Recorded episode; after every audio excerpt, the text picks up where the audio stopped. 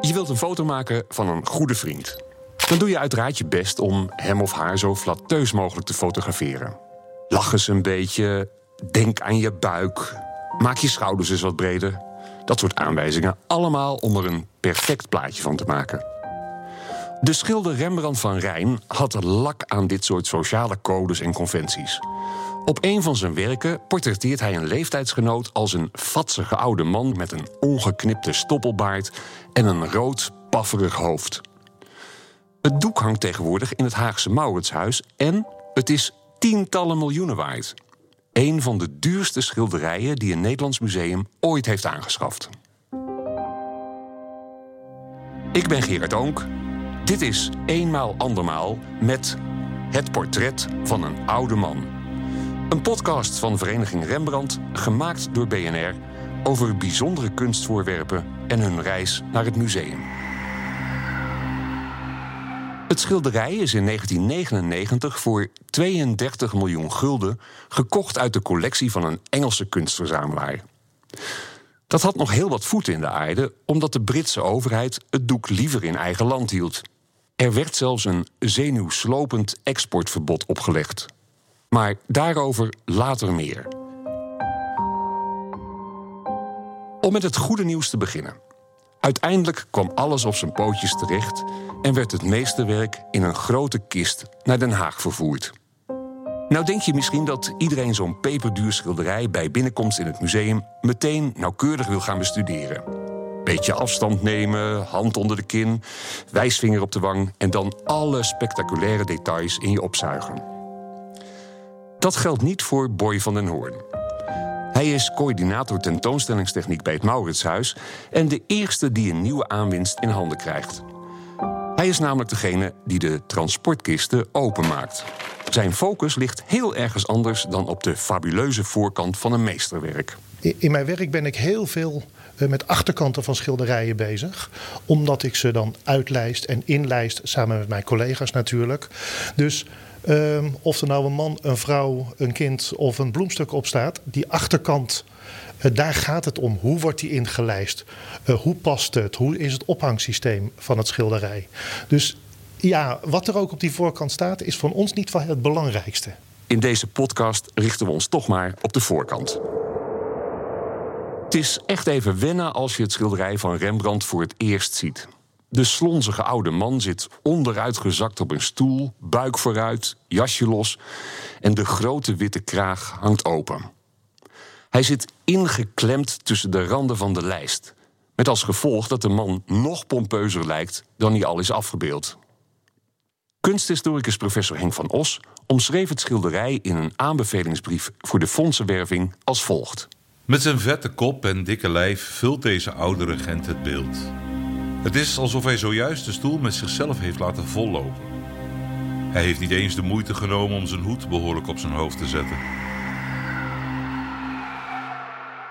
Rembrandt wist in 1667 precies wat hij deed. Het rode hoofd van de man is nauwkeurig en gedetailleerd geschilderd. Maar de kleding en de handen zijn niet meer dan een ruw lijnenspel. Op sommige plaatsen gebruikte de kunstenaar zijn paletmes. Op andere plekken kraste hij met de achterkant van zijn penselen in de natte verf.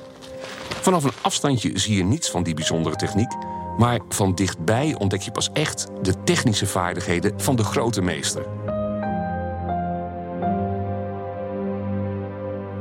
Frits Duparc is de voormalig directeur van het Mauritshuis en verantwoordelijk voor de aankoop van dit portret. Hij ziet de verwerving van het schilderij als een hoogtepunt uit zijn loopbaan. Het is alweer bijna twintig jaar geleden dat het werk vanuit Groot-Brittannië naar Nederland kwam, maar nog steeds is Duparc lyrisch. Als ik voor dat schilderij sta, ja, dan krijg ik weer een shot adrenaline door me heen. En als u heel goed kijkt, dan zweef ik ook heel eventjes boven de grond van opwinding van ja, het is toch gelukt. De grote vraag is natuurlijk waarom een museumdirecteur zo zweverig wordt van een enkel schilderij. Het is duidelijk dat Frits Duparc het portret van de oude man echt mooi vindt. Hij is ook nog steeds nieuwsgierig naar de mysterieuze man op het schilderij. Dat zal hij zo meteen vertellen. Maar er is ook nog een andere reden. Dit werk is namelijk een belangrijke aanvulling op de Nederlandse kunstcollectie. Het Mauritshuis heeft een prachtige collectie Hollandse 17e-eeuwse schilderijen... waarin bijna alle grote, belangrijke meesters vertegenwoordigd zijn. Maar bij de hele belangrijke wil je natuurlijk ook een overzicht bieden. Dus vroegwerk, laatwerk. Uh, in het geval van Rembrandt niet alleen maar religieuze stukken of alleen maar portretten... maar je wil echt een breed scala aan wat Rembrandt zo groot heeft gemaakt. En dit schilderij, dat is een laat portret misschien wel zijn allerlaatste portret dat hij heeft geschilderd, laat Rembrandt op zijn allerbest zien. En juist dat hele late werk, en zeker een laat portret, ontbrak in het Mauritshuis. En ontbrak eigenlijk in Nederland. Er zijn wel groepsportretten, bijvoorbeeld de Staalmeesters is vrij laat. Maar een enkel portret zo laat ontbrak in het Mauritshuis, maar ontbrak ook in heel Nederland. Rembrandt was een bedrijvig baasje. Hij heeft ons bijna 350 schilderijen nagelaten. Kunstkenners vinden het werk uit zijn laatste levensjaren steeds beter worden. Rembrandt schildert dan subtieler en vrijer. Ook zijn techniek wordt steeds gewaagder. Het resultaat is dit ongebruikelijke, maar buitengewoon expressieve portret. Er is veel verwarring geweest over de identiteit van de man op het schilderij. Sterker nog, zelfs over de schilder liepen de meningen uiteen. Een tijd lang werd het meeste werk beschreven als Painted by Francis Hals. Dat is later gecorrigeerd en dat is niet zo vreemd, want de handtekening van Rembrandt staat gewoon prominent op de voorkant. Toen het schilderij in 1744 werd geveild en in het graafschap Kent terechtkwam, meldde het veilinghuis dat de afgebeelde man admiraal Tromp zou zijn. Tromp is het zeker niet, weten de kenners. Maar die titel stond nog wel steeds op het naamplaatje in de pompeuze lijst toen het werk werd afgeleverd bij het Mauritshuis. Het eerste wat Boy van den Hoorn dus deed, was de lijst verwisselen. Ja, soms kan een lijst heel erg aanwezig zijn, zodat het gewoon eigenlijk afbreuk doet aan het geheel, vind ik. In ieder geval, en in dit geval was het wel een, uh, een erg glimmende lijst met heel veel krullen en ornamenten. En dan nog groot prominent een verkeerde uh, titel erop. Dan begrijp ik 100% dat ze aan mij vragen om een uh, andere lijst om het schilderij te monteren. Directeur Frits Duparc was vlak daarvoor afgereisd naar Parijs. Die stad is het epicentrum van antiquairs met lijsten uit de 17e eeuw. Duparc zocht een exemplaar uit dat volgens hem veel meer recht zou doen aan het portret. En in die lijst werd het schilderij op 2 september 1999 trots gepresenteerd aan de vaderlandse pers. Mooie lijst dus en een mooi schilderij, maar het blijft gissen wie er nu is afgebeeld. Frits Duparc. De voorgestelde, dat willen we natuurlijk graag weten. Wie is deze man? Uh, er zijn een aantal namen uh, gesuggereerd, maar zeker weten uh, doen we het nog steeds niet, helaas niet. Wat we weten maar dat leiden we dus af uit het portret zelf. Het moet een goede bekende zijn geweest van Rembrandt. Het schilderij dateert uit 1667. In die tijd was de, kring om Rembrandt heen klein geworden. Zijn grootste populariteit had hij al lang achter zich liggen. Uh, hij had natuurlijk schulden. En het aantal goede vrienden dat hij toen nog had, was uiterst beperkt. Maar we moeten het zoeken daar ben ik van overtuigd, in die kleine kring van naasten van Rembrandt in 1667. Er zijn een aantal namen gesuggereerd. Uh, een van de namen uh, die genoemd is, dat is Lodewijk van Ludik. Het is bekend dat Rembrandt schulden had bij Lodewijk van Ludik. Hij had wel meer schulden. En er is een document waarin staat dat Rembrandt voor de helft van zijn schuld een portret van Lodewijk van Ludik zal vervaardigen. Is dat dit portret? We weten het niet. In 1999 had het Mauritshuis een jaarlijks aankoopbudget van ongeveer 150.000 gulden. Terwijl al snel duidelijk was dat het schilderij 32 miljoen moest opbrengen. Een snelle rekensom leert dat je dan ruim twee eeuwen moet sparen om de deal te kunnen sluiten. Gelukkig kon het Mauritshuis beschikken over behoorlijk wat geld uit schenkingen en legaten. En Een paar jaar eerder had het museum een super succesvolle expositie over Johannes Vermeer georganiseerd.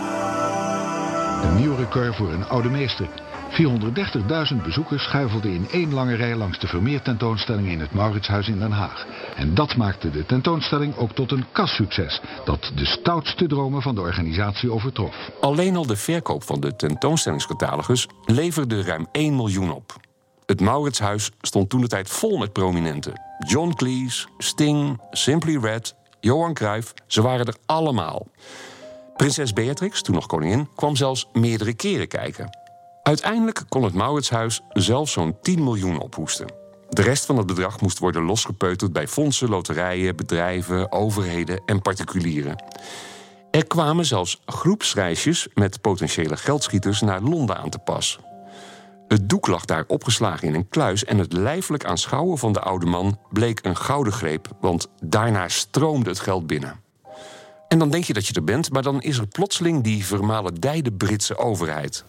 We moesten 32 miljoen gulden bij elkaar krijgen. Toen we een heel eind waren, hebben we een exportvergunning aangevraagd. En niet tot onze verbazing werd die exportvergunning geweigerd.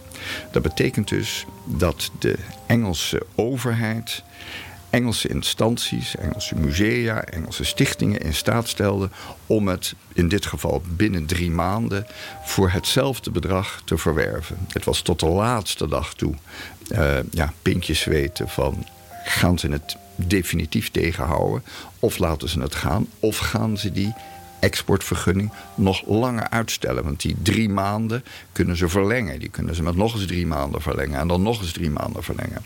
Maar gelukkig na drie maanden kregen we te horen dat er geen Engelse instantie kennelijk zelfs maar aanstalten had gemaakt, omdat ze gewoon dit bedrag op dat moment niet bij elkaar konden krijgen.